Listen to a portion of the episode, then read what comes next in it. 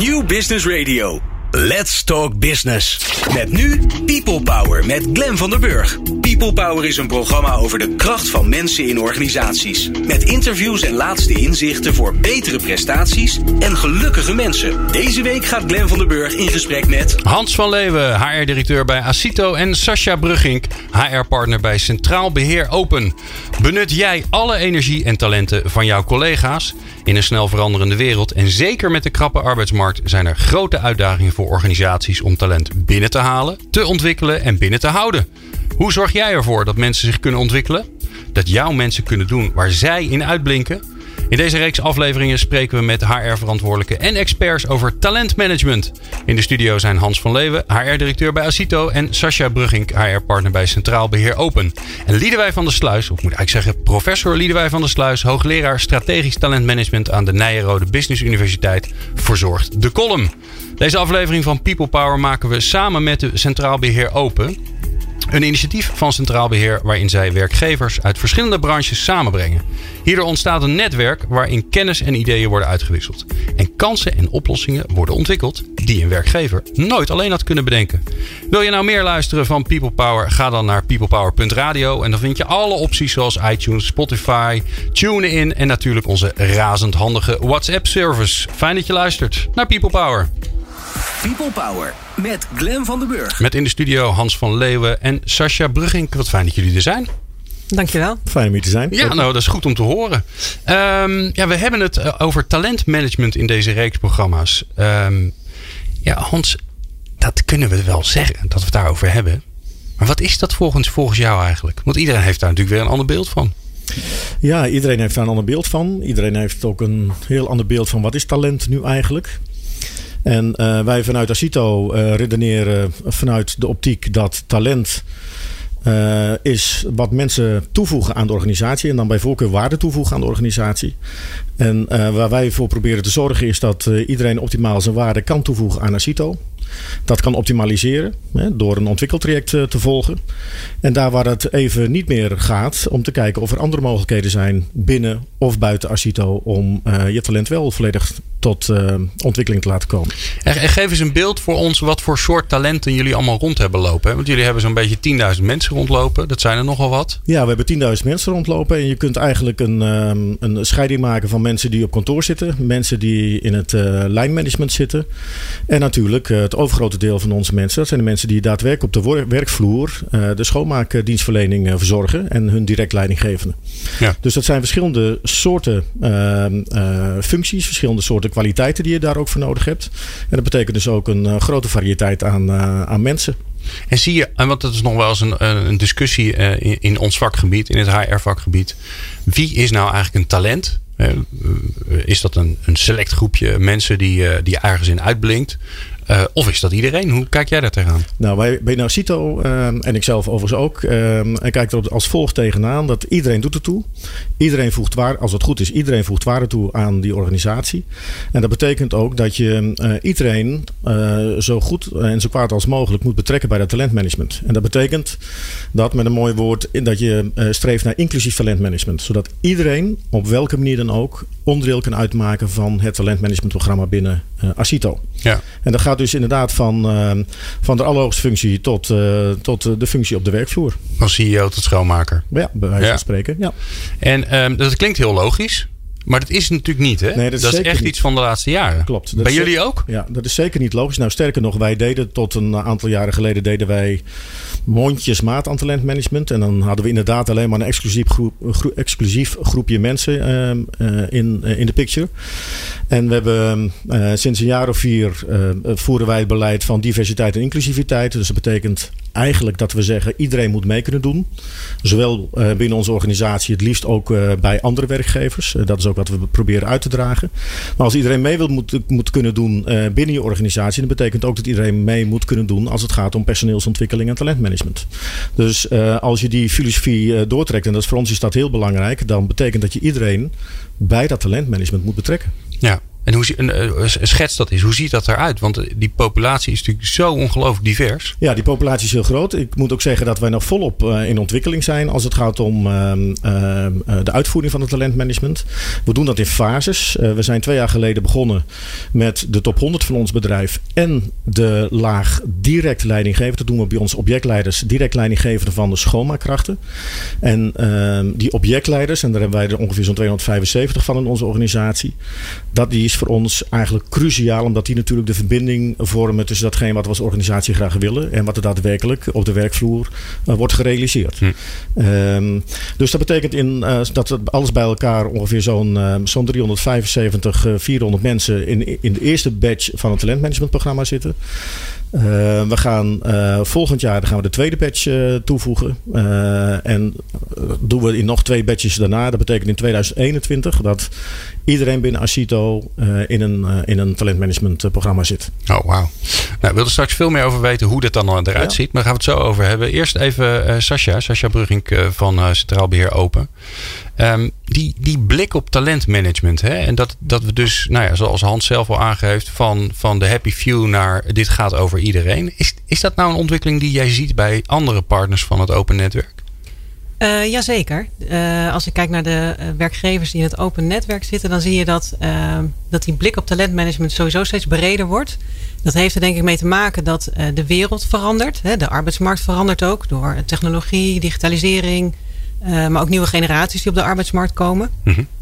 Um, en dat vraagt anders kijken naar talent. Het vraagt veel meer van medewerkers dat ze zich blijven ontwikkelen. Niet alleen voor de functies die ze nu uitoefenen, maar ook voor de functies van later. Uh, en dat, uh, ik denk dat dat ook voor een deel verklaart waarom je breder kijkt naar talentmanagement en een groter gedeelte van de organisatie daarbij betrekt. Ja, en ik kan me ook wel voorstellen dat het ook wel een beetje komt door nou ja, de ontwikkeling van de afgelopen jaren dat dat we, we steeds meer naar zelfsturing gaan. Naar teams die veel meer zeggenschap krijgen. Waarbij we veel meer uh, zeggenschap op de, op de werkvloer neerleggen. Ja, dan, dan kun je wel alleen je, je management of je top zoveel uh, trainen. Mhm. Maar ja, als die een veel meer faciliterende rol krijgen, dan, dan is dat misschien niet zo handig. Zie, zie jij dat ook gebeuren? Ja, dat vraagt eigenlijk dat eh, medewerkers worden zich steeds bewuster ook van de eigen regie die ze moeten pakken op hun, uh, op hun duurzame inzetbaarheid en op hun eigen talentmanagement vormgeven.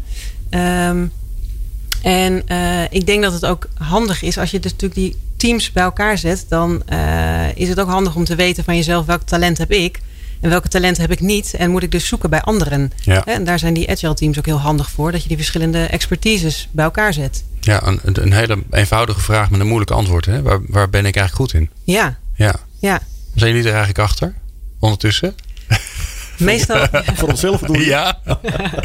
Meestal is dat hetgene waar je, wat je meer energie oplevert dan dat je kost. Hè? Oh ja. Dan dat het kost. Ja. ja. Ja. Nee, ik weet in ieder geval één ding. Ik, ik word in ieder geval heel, heel blij van radio maken. Of, of ik het goed doe, dat uh, moet de luisteraar maar, uit, maar bepalen. Dus uh, e-mailtjes kunnen naar uh, voor al uw complimenten en klachten.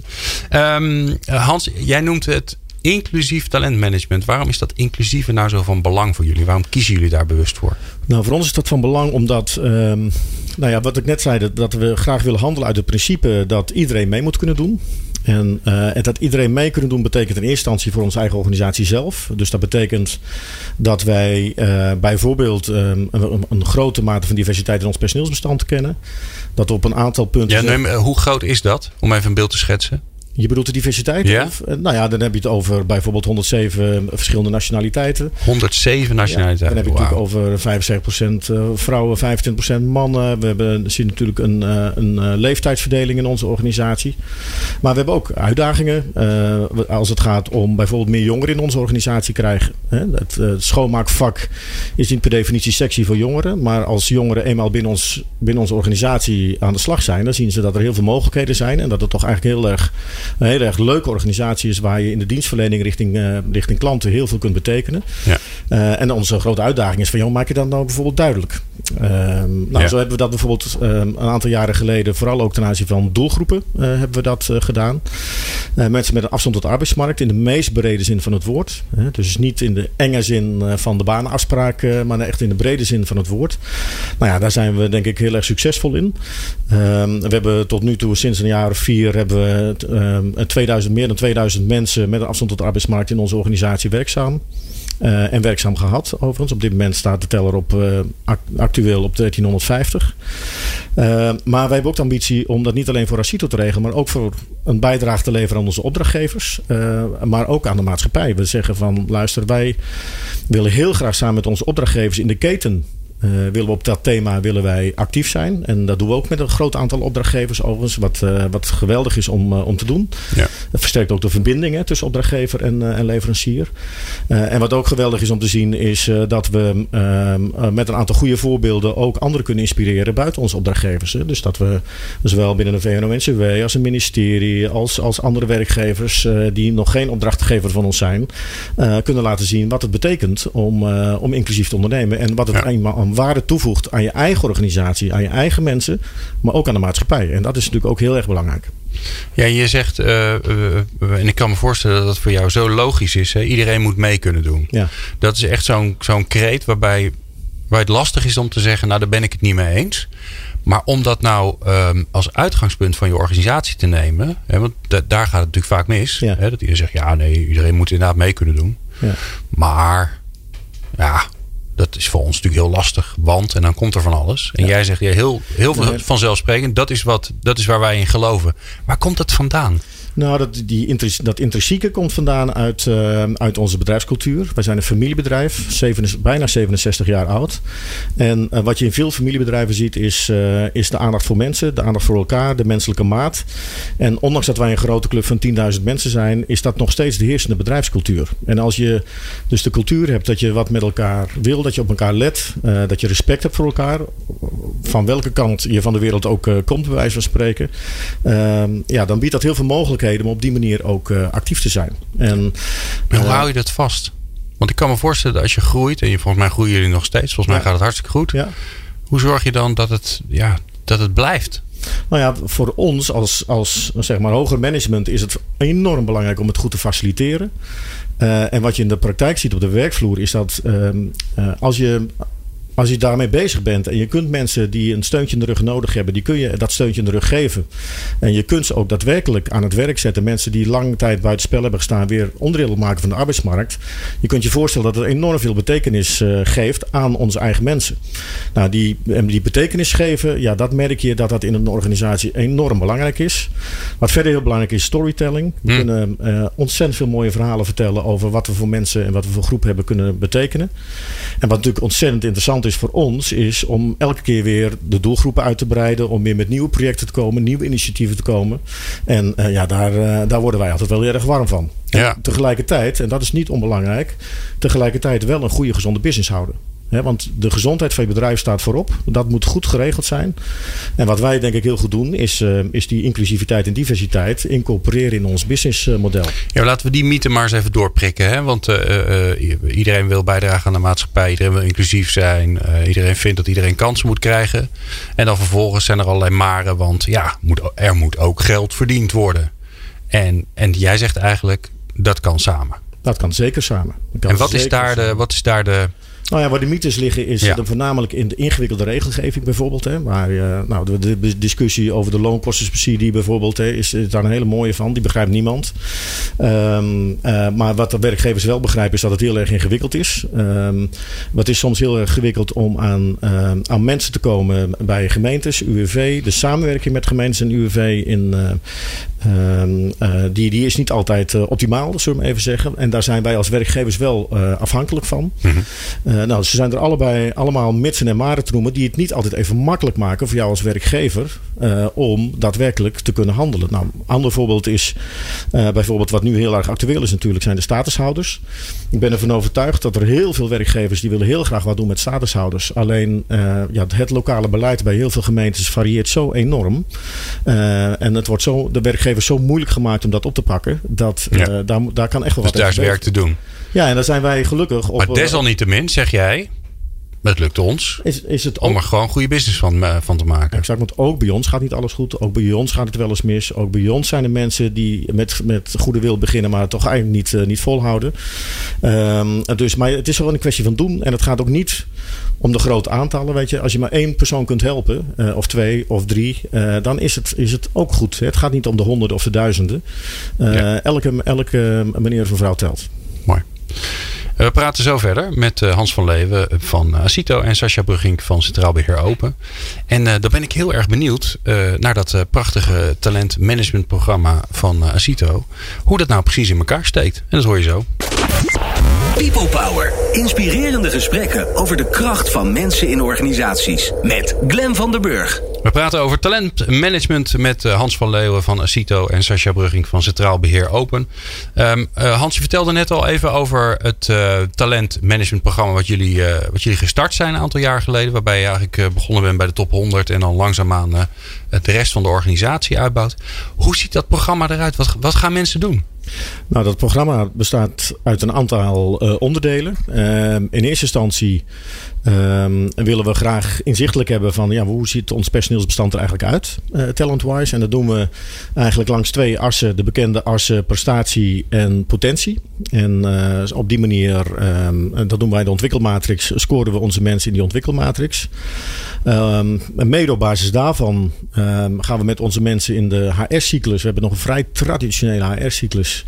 Uh, dus met een planningsgesprek, een functioneringsgesprek en een beoordelingsgesprek. Maar we gaan dat, het ontwikkelelement in die HR-cyclus hebben we sterk uh, vergroot. En dat betekent dat de leidinggevende met de medewerker uh, gaat praten over ehm, nou ja, goed, hoe die, in die eh, op die assen scoort en wat er aan ontwikkeling, wat er aan ontwikkeling mogelijk is. Ja, want hoe, scoor, hoe scoor je mensen? Wie, wie, wie zet ze daar neer? Dat doet een team van mensen. Okay. Dus dan kijk je, dat is als het bijvoorbeeld gaat om die objectleiders wat ik net noem, dan gaat het regio managementteam, dus zijn de leidinggevende van die verschillende objectleiders en de regiomanager uh, samen met de facilitator van, uh, van HR gaan kijken naar hun eigen mensen en proberen we zo door die hele organisatie de wijze waarop er ingedeeld wordt, uh, proberen we zo goed als mogelijk okay. op elkaar af te stemmen. en daar zie je dan natuurlijk de mensen die enorm veel potentieel hebben waar je eventueel wat mee zou, zou kunnen. Nou, dan ga je vervolgens kijken van wat kan ik daar ontwikkel, ontwikkeltechnisch mee. Dat ligt voor een belangrijk deel bij de leidinggevende. Uh, maar die leidinggevende wordt erin gefaciliteerd door een aantal instrumenten die hij beschikbaar heeft. Dat is een uitgebreid training- en ontwikkelprogramma.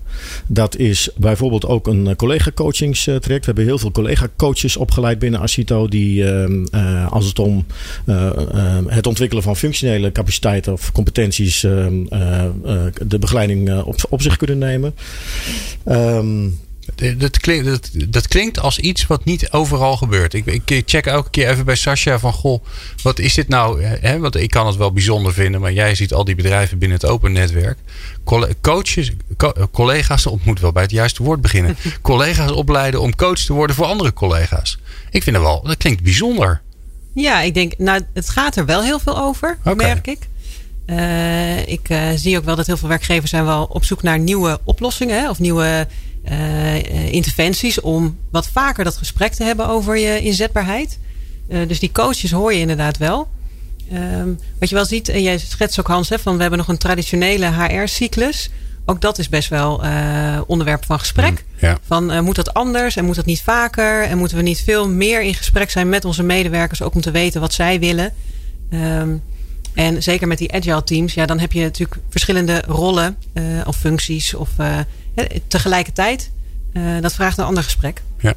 Is het iets, want Hans, je zei ja, het ook een beetje met een soort verontschuldiging in je toon van je stem. Van ja, we hebben nog een traditionele cyclus. Nou, die heb je heel goed gehoord. En ik wil helemaal met Sascha meegaan. Uh, ook wij zijn aan het nadenken over hoe je dat kunt aanpassen. Omdat het heel veel bureaucratie ook met zich meebrengt. Uh, enorme werklast voor leidinggevenden. En wat je, wat je eigenlijk wil is dat die leidinggevende zich vooral concentreert op de ontwikkeling van, uh, van de medewerker. Zodat het talent, hè, dus of de toegevoegde waarde die iemand heeft aan, aan de organisatie, optimaal tot, uh, tot uitdrukking komt. Ja. Dus dat, dat we daarin moeten doorontwikkelen, dat is wel een, een ding wat zeker is. En heb je dan naar, die, uh, naar, die, naar het bepalen van die, van die prestatie en potentie, heb je dan, heb je dan daarmee echt in zicht van, nou, dit, zijn, dit is de toegevoegde waarde die mensen hebben en dit is de de ruimte die ze nog hebben om nog meer toegevoegde waarde of op een andere, andere plek toegevoegde ja, waarde te gaan bieden. De, dan hebben we daar een heel goed zicht op. Um, en wat vooral ook belangrijk is, laten we dat even heel goed benoemen. Dat doen we in onze eigen organisatie ook. Is dat je hebt natuurlijk altijd een aantal mensen die gewoon enorm veel potentieel hebben en de mogelijkheid hebben om snel door te groeien. Mhm. Maar het overgrote deel van je organisatie bestaat uit, bestaat uit de meest belangrijke mensen die je nodig hebt, namelijk de bouwstenen. Ja, dus degene die het fundament vormen voor je organisatie. Mensen met enorm veel ervaring en kennis over de business. Die misschien niet de potentie hebben om uh, verder door te groeien of iets dergelijks. Maar wel hun eigen werk verschrikkelijk goed doen. En dus ook heel erg nuttig en heel belangrijk zijn voor die organisatie. En uh, er wordt wel eens gezegd van luister eens. Uh, die, vooral die mensen met heel veel potentieel. Die zijn belangrijk. Ja, die zijn ook belangrijk. Maar misschien zijn de allerbelangrijkste zijn de mensen die aan de bouwstenen van die organisatie vormen. Alleen wat je in de gaten moet houden is dat ze wel die bouwsteen blijven, vol, blijven vormen. Ja, hoe zorg je daarvoor? Nou ja, door inderdaad daar elk jaar heel nadrukkelijk met elkaar over te hebben. Uh, en te kijken waar je dat nog verder zou kunnen verbeteren. Hoe je mensen nog verder meer zou kunnen helpen om, uh, om, uh, om, dat, om nog beter te worden. Ja, en dan zeg je de leidinggevende, die, die zit daar aan het stuur. Hè? Die, heeft, ja. die heeft de belangrijkste taak om dat te faciliteren. Ja. Um, hoe, hoe bepalen die leidinggevenden en die medewerker nou wat er moet gebeuren? Want er kan natuurlijk van alles. He. nou ja, jullie zullen daar ook ongelooflijk veel uh, instrumenten toe hebben. En als je ze niet hebt, dan kan je ze wel ergens vinden. Uh, hoe, hoe, zorg je dat zij wegwijs eh, raken in die, in die weerwar van coaches, opleidingen, trainingen, eh, nou mindfulness sessies. Nou, noem maar op wat je allemaal kan doen. Nou, wat wij proberen is, uh, is zo goed mogelijk daarover voor te lichten. Daar regelmatig aandacht aan te besteden. En we hebben echt een adviseur op het, uh, beschikbaar op het gebied van ontwikkeling. Die er alleen maar voor is om leidinggevenden te ondersteunen bij die ontwikkelvraag. Kijk, in acht van de tien gevallen komen die medewerker en die leidinggevende er samen echt wel uit. Maar soms heb je best wel een, een, een, een lastige situatie. Dus dat kan zowel heel positief zijn als, als negatief. En dan is het handig als je iemand hebt naast je HR-manager die gespecialiseerd is, gespecialiseerd is op uh, het ontwikkelvraagstuk van mensen. En die is beschikbaar om uh, in, in dat soort situaties te adviseren. Een van de dingen die mij in ieder geval persoonlijk fascineert is dat um, um, de instrumentenkant die hebben HR-managers, HR-afdelingen meestal wel aardig voor elkaar. Maar ja, we weten ook allemaal, het meeste leer je in de praktijk. Door dingen gewoon, door eens een keer iets anders te doen. Of door een paar dagen van baan te wisselen. Of door überhaupt van baan te wisselen. Of van functie. Of van nou, noem maar op. Hoe gaan jullie daarmee om? Ja, dat is, um, uh, dat is, dat is een hele goede vraag. Um, hoe we daarmee omgaan is uh, toch die leidinggevende meer in zijn kracht proberen te zetten. En wij zijn een branche waar uh, het van origine um, uh, heel erg directief was. Hè, het leiding, de, manier van leiding geven. En waar wij, we, we, zijn die slag al aan het maken naar veel meer coachend en veel meer ondersteunend leiding geven. Kijk, je had het net over, met Sascha over autonomie, bijvoorbeeld op de werkvloer. Nou, wij zijn nog niet zover dat we naar autonome teams gaan of, of, of zelfsturende teams of iets dergelijks. Maar waar we wel behoefte aan hebben, zijn leidinggevenden die hun medewerkers veel beter in hun kracht zetten. En uh, nou ja, dat, dat, uh, nou ja, dat is nog niet alle leidinggevenden 100% gegeven. Dus daar moeten we ze in helpen. Daar moeten ze in, en hoe help je ze daarbij? Nou, goede training, uh, okay. goede coaching. Maar we hebben tegenwoordig een training inspirerend leidinggeven... waar uitgebreid bij dit thema wordt stilgestaan. er zijn allerlei gesprekstrainingen die mogelijk zijn. Er zijn natuurlijk altijd mensen beschikbaar... zoals die bijvoorbeeld die mevrouw met betrekking tot ontwikkelvraagstukken... die, die beschikbaar is om te adviseren. Je hebt collega-coaches die je daarbij kunnen helpen als leidinggevende... als het een iets is wat je lastig vindt. Dus er zijn binnen de organisatie allerlei mogelijkheden om uh, te zeggen van wacht eens even, kun je mij helpen om nou, dat helpen. En dat is ook de kern. Daarom is collega coaching ook zo'n fantastisch instrument. Dat helpen, dat zit echt in, de, weer in die familiecultuur waarin mensen naar elkaar kijken. En ja, ik zou heel veel organisaties adviseren om te investeren in zo'n collega coach eh, faciliteit. Omdat dat je eigen mensen enorm helpt en ja. de cultuur versterkt. Ja, en ik kan me voorstellen dat het ook, het is ook weer een mogelijkheid voor die collega coaches om zichzelf weer ergens op te ontwikkelen wat ze ja, ja misschien anders is, zouden ze weer buiten de deur. Hè? Dat is een absolute upside van het programma. Ja. Is dat die collega-coaches krijgen een hele goede opleiding. Uh, en die ontwikkelen zelf, uh, zichzelf natuurlijk ook enorm op die manier.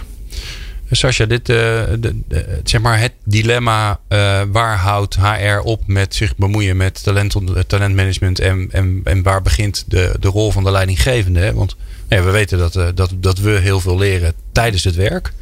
Um, vaak is dat wel een, een punt van discussie en ook een onderwerp waar HR dan een beetje vandaan blijft. Hoe zie jij dat? Mm, nou ja, je ziet inderdaad wel dat HR steeds meer van de lijn wordt. Hè? Dus een aantal onderwerpen zijn gemeenschappelijk. Uh, ik denk ook dat je daar niet meer aan ontkomt. Hè? Dus als het gaat over goed werkgeverschap, invulling geven, dan is dat zowel van HR als van de leidinggevende. Um, dus dat loopt een beetje in elkaar over. Ja.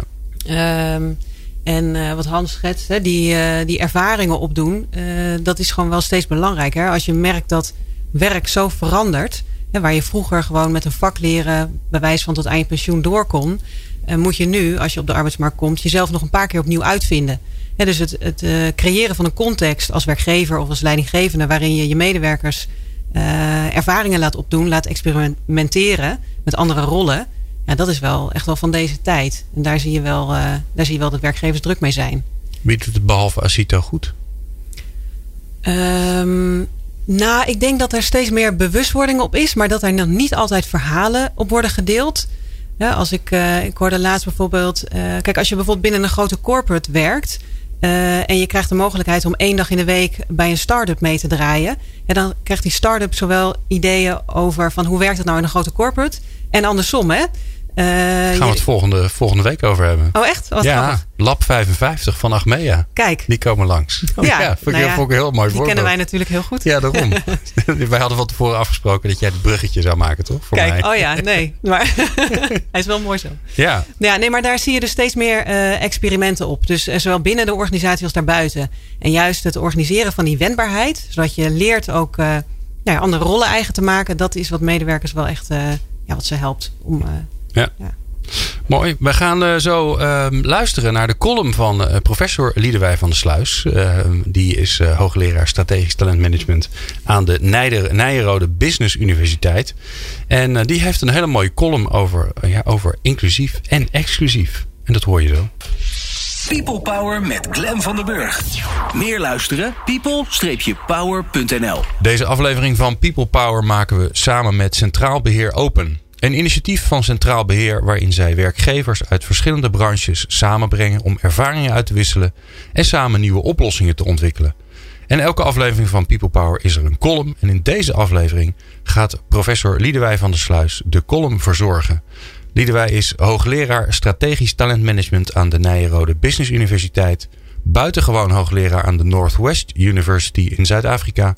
En visiting professor aan de Berlin School for Creative Leadership en de expert op het gebied van talentmanagement. Liedewij, we zijn bijzonder benieuwd naar jouw column. Mijn column van deze week is We are the world, we are the children. We are the ones who make a brighter day, so let's start giving. Zo klonk het in 1985. Wekenlang. De ouderen onder ons kennen het lied ongetwijfeld nog. Voor de jongeren op initiatief van Harry Belafonte werd destijds dit lied geschreven door Michael Jackson en Lionel Richie en gezongen door bekende Amerikaanse popartiesten. Het doel was om geld in te zamelen voor mensen in hongersnood in Afrika en er werd 90 miljoen dollar ruimschoots opgehaald. De naam die de groep aan zichzelf had gegeven was United Support of Artists of Africa, USA for Africa. United is een woord dat we kennen als aanduiding van eenheid in verscheidenheid. United Nations, United States, United Kingdom en andere begrippen met United verwijzen naar een verenigde eenheid, een samenhangend collectief. We horen het steeds vaker. Wat heeft dit met organiseren en talentmanagement te maken? Misschien dit. Organisaties denken ook na over de vraag hoe zij in de wereld staan. Staan zij in verbinding met de wereld, met een opdracht in die wereld? En willen zij intern een soort United College en intranet of people zijn? Of zijn zij een organisatie die op zichzelf staat, met een eigen profiel, die bezig is met overleven op een mondiale markt en als werkgever slechts geschikt is voor een bepaalde groep mensen, gelijkgestemde en uit hetzelfde hout gesneden? Steeds meer organisaties ervaren dit dilemma om te moeten bewegen tussen enerzijds open, toegankelijk en inclusief zijn en anderzijds de eigen kennis en kunde en het unieke karakter zo exclusief mogelijk te laten zijn. Kort gezegd is het dan de vraag: zijn wij inclusief of exclusief in ons talentbeleid? Ik hoor en zie in de collegezaal en in mijn praktijk beide. Organisaties willen net als mensen uniek zijn.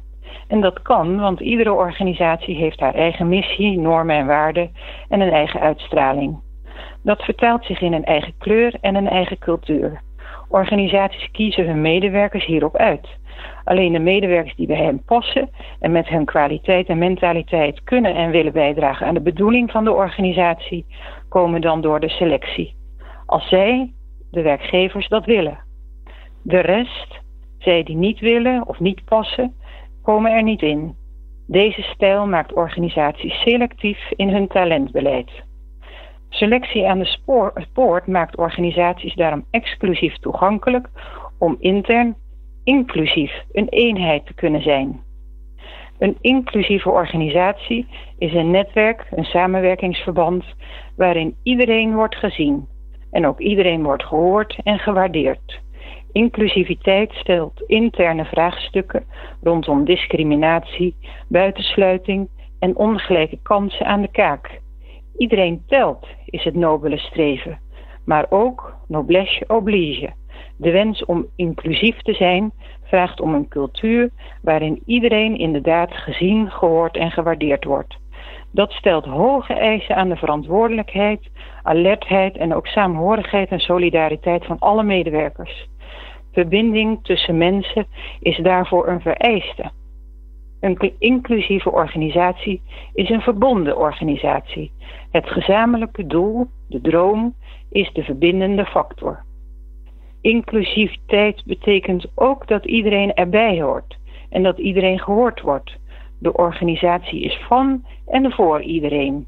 Een inclusieve organisatie is een organisatie waar diversiteit hoogtij viert. Medewerkers functioneren met behoud van hun eigenheid zonder een label te krijgen of gestickerd te worden of in een profiel of in een functie of in een mentaal hokje te worden geduwd. Het gevolg van inclusief talentbeleid is een cultuur waarin het vanwege de onderlinge verschillen niet altijd vanzelfsprekend is dat mensen elkaar begrijpen en vertrouwen. Daar is management voor nodig. Managers die sturen op het respecteren van elkaar, het zien van elkaar en het willen luisteren naar elkaars verhaal. En managers die sturen op moed. Sturen op moed om iedereen te laten meetellen. Sturen op moed om niet jezelf maar een ander in het middelpunt te zetten. Sturen op moed om eigen normen ter discussie te stellen. En sturen op moed om elkaar aan te spreken op gewenst gedrag en hierin continu het goede voorbeeld te geven. Dat is hoe het zou moeten. Maar hoe kunnen managers dat dan doen? Hoe kunnen zij onderlinge verschillen tussen medewerkers en de onderlinge verbondenheid niet in de weg staan? Door in en boven alles het gewenste goede voorbeeld te geven. Door inclusiviteit voor te leven. En misschien kan dat ook wel met een lied. Zoals We Are the World. Maar dan We Are the Organization. Tijd voor een organisatielied misschien. Dat beter dan welke missie, teamdag of strategie-meeting dan ook mensen met elkaar verbindt en verenigt. Een lied dat uit volle borst kan worden meegezongen en dat de organisatie nog exclusiever en aantrekkelijker maakt. Mooi. Mooi Liedewij, wauw. Wat een, uh, wat een uh, kunst om alles zo bij elkaar te brengen en dat in één column. Mag ik je bijzonder bedanken. Heel graag gedaan. People Power. Inspirerende gesprekken over de kracht van mensen in organisaties. Met Glen van der Burg. Hans van Leeuwen, haar directeur bij Acito. En Sascha Brugging, HR-partner bij Centraal Beheer Open. Zijn te gast bij mij in de studio bij People Power. We praten over talentmanagement. We hebben net de prachtige column van eh, Liedewij van der Sluis gehoord. Waarbij zij heel duidelijk de nadruk ook legt op het belang van de leidinggevende. Bij, talent, eh, bij talentmanagement, bij de ontwikkeling van mensen. Nou Hans, dat zei je eigenlijk ook al hè? Van uh, ja, die hebben een belangrijke rol. Zijn ze zich daar altijd bewust van? Um, ik, ik, weet het niet. Ik denk in een aantal gevallen niet. Voldoende. Um, ja. uh, maar uh, geweldig dat Liederwij dat zo nadrukkelijk zegt. Want uh, weet je, talentmanagement is echt chefzaggen. Dus cruciaal dat je binnen je organisatie voldoende aandacht hebt voor het ontwikkelen van je, van je talent, uh, van je mensen. Uh, ik heb net inderdaad al aangegeven, en Liedewij zegt het ook, dat de leidinggevende daar, of het management daar cruciaal in is. En wij als HR-mensen zijn ervoor om die leidinggevende zo goed mogelijk te faciliteren. En uh, ik denk dat we, als ik naar de Acito-situatie kijk, van allebei de kanten, zowel vanuit de faciliterende kant, maar ook vanuit de leidinggevende kant, we nog uh, best wel veel te leren hebben. He, dus het is echt een reis waar we met elkaar uh, ja. uh, aan begonnen zijn. Ja, en ik kan me ook voorstellen, hè, want uh, leidinggevenden hebben veel op een bordje. Want uh, die moeten zorgen dat de performance goed is, dat de klant blij is, uh, dat de kosten een beetje in de klauw zijn. Nou, noem al die dingen maar op. En ze moeten zorgen, natuurlijk zorgen dat medewerkers zich kunnen ontwikkelen. Uh, ja, dan valt er wel eens eentje van het bordje af dan. Want uh, als hij te vol is, dan werkt het nou helemaal zo. Hoe zorgen jullie er nou voor dat dat, dat in balans blijft? Dat, dat die balans tussen het belang van de klant, het belang van de medewerker, het belang van nou ja, de financiële resultaten, dat die, ja, dat die, dat die, dat die werken. Nou ja, ik, ik zal eerlijk bekennen, dat is voor ons als topmanagement een van de grootste uitdagingen die we hebben. Onze leidinggevende, en of het nou die objectleider is, of een vestigingsmanager of een regenmanager, die moet, die moet vier elementen in balans houden. Inderdaad, eh, de commercie, HR, de operatie natuurlijk, en, maar ook finance. Um, en die moet, uh, die moet balanceren met die vier ballen. En, ja. uh, en wij moeten hem die mensen zo goed mogelijk faciliteren dat ze dat zo goed mogelijk kunnen doen. En dat betekent dat ze daar de competenties voor moeten kunnen ontwikkelen om dat te doen. Maar dat ook de instrumenten. Hè, wij doen bijvoorbeeld veel met iPads. Hè. We hebben veel apps uh, die mensen op de werk, leidinggevend op de werkvloer kunnen gebruiken om, om processen efficiënter te kunnen doen. Mm -hmm. Nou, dus we hebben meer van dat soort maatregelen. Nou, ik noemde al bijvoorbeeld collega coaching. Dat gaat echt naar, de, naar, wat meer naar de softe kant toe. Um, zo, zo zijn er allerlei uh, mogelijkheden om ze te faciliteren. Maar ja, die leidinggevenden moeten het wel zelf doen. Ze moeten zelf een manier vinden om die balans daadwerkelijk te vinden. En dan gaan we zo op alle mogelijke manieren kunnen we ze daarbij helpen. Ja. Uh, maar het is nu eenmaal zo, uh, zoals met heel veel andere zaken ook. Ja, de ene doet het wat beter dan de andere. Zo werkt het. Ja. Nou heb ik ergens begrepen dat jullie een, een, een believer zijn van de service profit chain. Klopt. Uh, ook wel beter bekend als de value profit chain. Hè, toen ze erachter kwamen dat het niet alleen maar werkte in service gerelateerde werelden, maar eigenlijk in alle werelden. Ja, ja. Kan je even, even snel uitleggen wat dat is? Nou, wat ons betreft uh, uh, is het zo dat de medewerkersbeleving van cruciaal belang is om een daadwerkelijk een goede dienstverlening of een goede propositie, zoals dat wel genoemd wordt, aan de klant te bieden. Dat betekent dat je primair stelt van luister eens, hoe zit die, leiding, hoe zit die medewerker in die organisatie? Wat is zijn beleving? Hoe zorgt er nou voor dat hij zo, zich zo happy mogelijk voelt? Want een happy worker uh, maakt een happy customer. En dat principe, ja, dat is iets wat we nu aan het uitrollen zijn. En nou, dat is een enorme uitdaging, omdat je ook voor leidinggevenden, omdat die medewerker centraal moet worden gesteld. Terwijl wij vanuit de cultuur komen van vroeger, dat er alleen maar naar die klant geluisterd werd. Ja, ja. En we moeten nog steeds heel goed naar de klant luisteren. We moeten nog steeds heel goed doen wat we met elkaar hebben afgesproken. Maar wij denken dat onze propositie naar de klant nog beter kan zijn als wij onze mensen nog beter in hun kracht uh, weten te zetten. Ja. En is dit dan een, een, een relatief, of nieuw, ja dat klinkt weer zo uh, alsof dit, uh, alsof dit een rocket science is. Dat is het natuurlijk niet. Maar is dit de, deze filosofie die jullie omarmen, is iets waar je, waar je echt naar de toekomst mee aan het werken bent? Ja, dit is voor ons echt wel uh, de strategie die we echt voor de komende jaren voor ogen hebben. Waarbij we heel nadrukkelijk aangeven dat dit nodig is om uiteindelijk heel erg gezond te blijven, zeg maar even. Maar we willen ook heel nadrukkelijk aangeven dat naast het feit dat we gezond willen blijven, willen we ook die maatschappelijke impact hebben. Zowel op sociaal gebied als op ecologisch gebied. Uh, en wat ons betreft gaan die drie elementen gaan, uh, gaan hand in hand. En, uh, en wij denken dat dat een toekomstbestendig, toekomstbestendige koers is. Waarbij je continu met elkaar naar ontwikkelingen kijkt. Als het gaat bijvoorbeeld om autonomie van je medewerker. Hè, we kunnen daar nog best wel een aantal dingen doen. We hebben daar nu een eerste stap in gemaakt met ons Tisser-platform. Dat is een platform voor MKB'ers waarin uh, schoonmaakkrachten uh, individueel gekoppeld worden aan een MKB-klant die graag uh, goede professionele schoonmaakdienstverlening. Die koppelen aan elkaar. En vervolgens is het aan die medewerker om die dienstverlening volledig in te richten. Die is daar volledig okay. autonoom in. In noodgevallen kan hij altijd terugvallen op een servicecentrum. Maar hij is volledig autonoom. Heeft dus geen niet te maken met een direct leidinggevende. En voor alle duidelijkheid, mensen die voor ons aan het werk gaan via dat platform, die zijn gewoon bij ons in dienst. Krijgen gewoon volgens de CO betaald. Dus niet volgens allerlei ingewikkelde ZZP-constructies.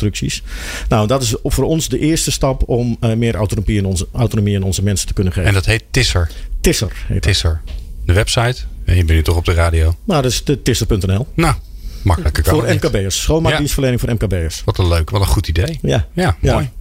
Uh, Sascha, um, uh, dit, dit wat, wat Hans nu precies zegt, hè, die, die service profit chain. Dus uh, als je goed investeert in je medewerkers, zorg dat ze blij en happy zijn, dan krijg je blije klanten. En blije klanten zorgen weer dat je je omzet op peil blijft of misschien zelfs omhoog gaat. Het, het, het klinkt zo logisch, hè? Maar zie jij nou dat er de afgelopen tijd in, in dat hele open netwerk, hè, waar, waar wel flink wat, uh, wat grote organisaties in zitten, dat daar meer aandacht weer voor is gekomen? Dat die, zeg maar, die, nou, dat hele grijze van die, van, die, van die crisis, dat dat een beetje opgetrokken is en dat we, weer, ja, dat we het weer snappen. Dat, we, dat die medewerker weer centraal moet komen. Mm, nou, dat is natuurlijk wel vaker. Hè, dat dingen heel logisch zijn. Of als je dat weer even voorgespiegeld krijgt door iemand. Dat je denkt, oh ja, dit is allemaal zo makkelijk. Maar doe het maar even. Hè? Uh, en ik denk wel dat, uh, dat die aandacht, dat dat steeds belangrijker is.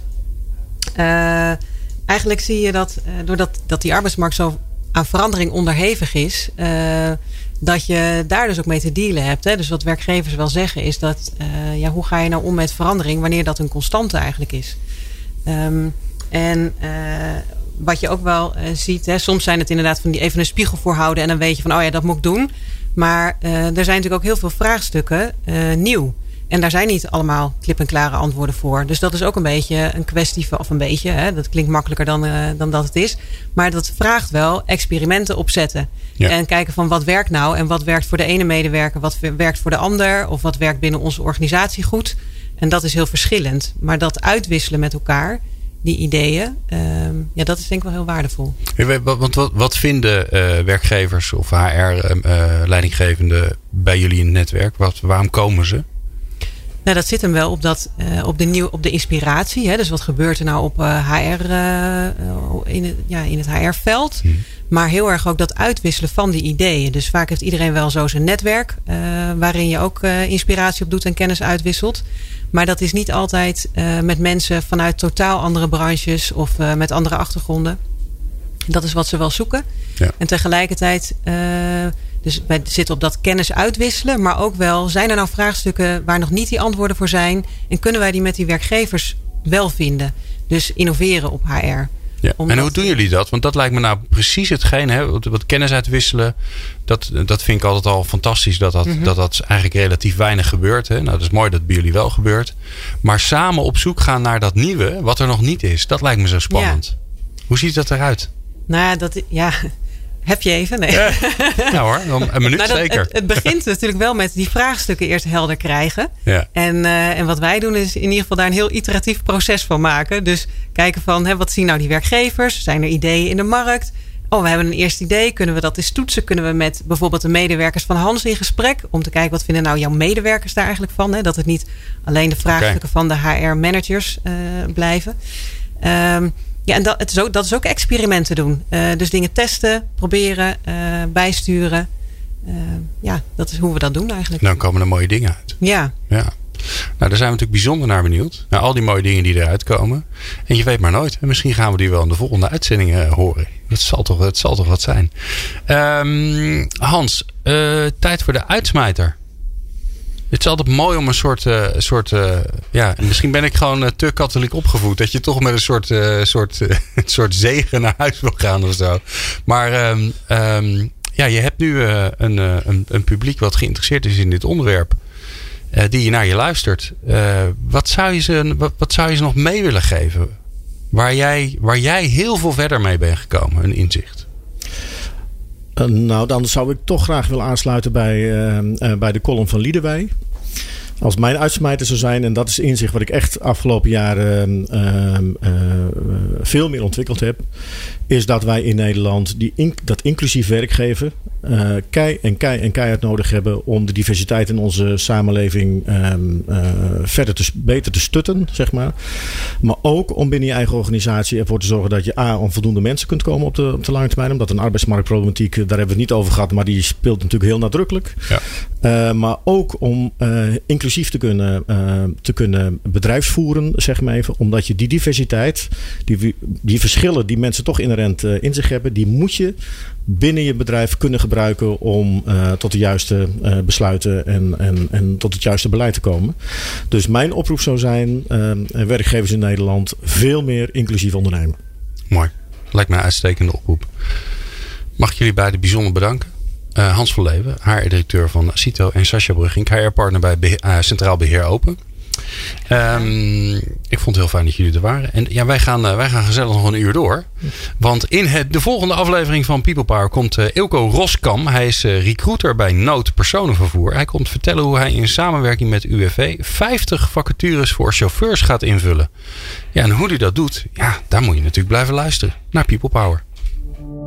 Meepraten of meer programma's? people-power.nl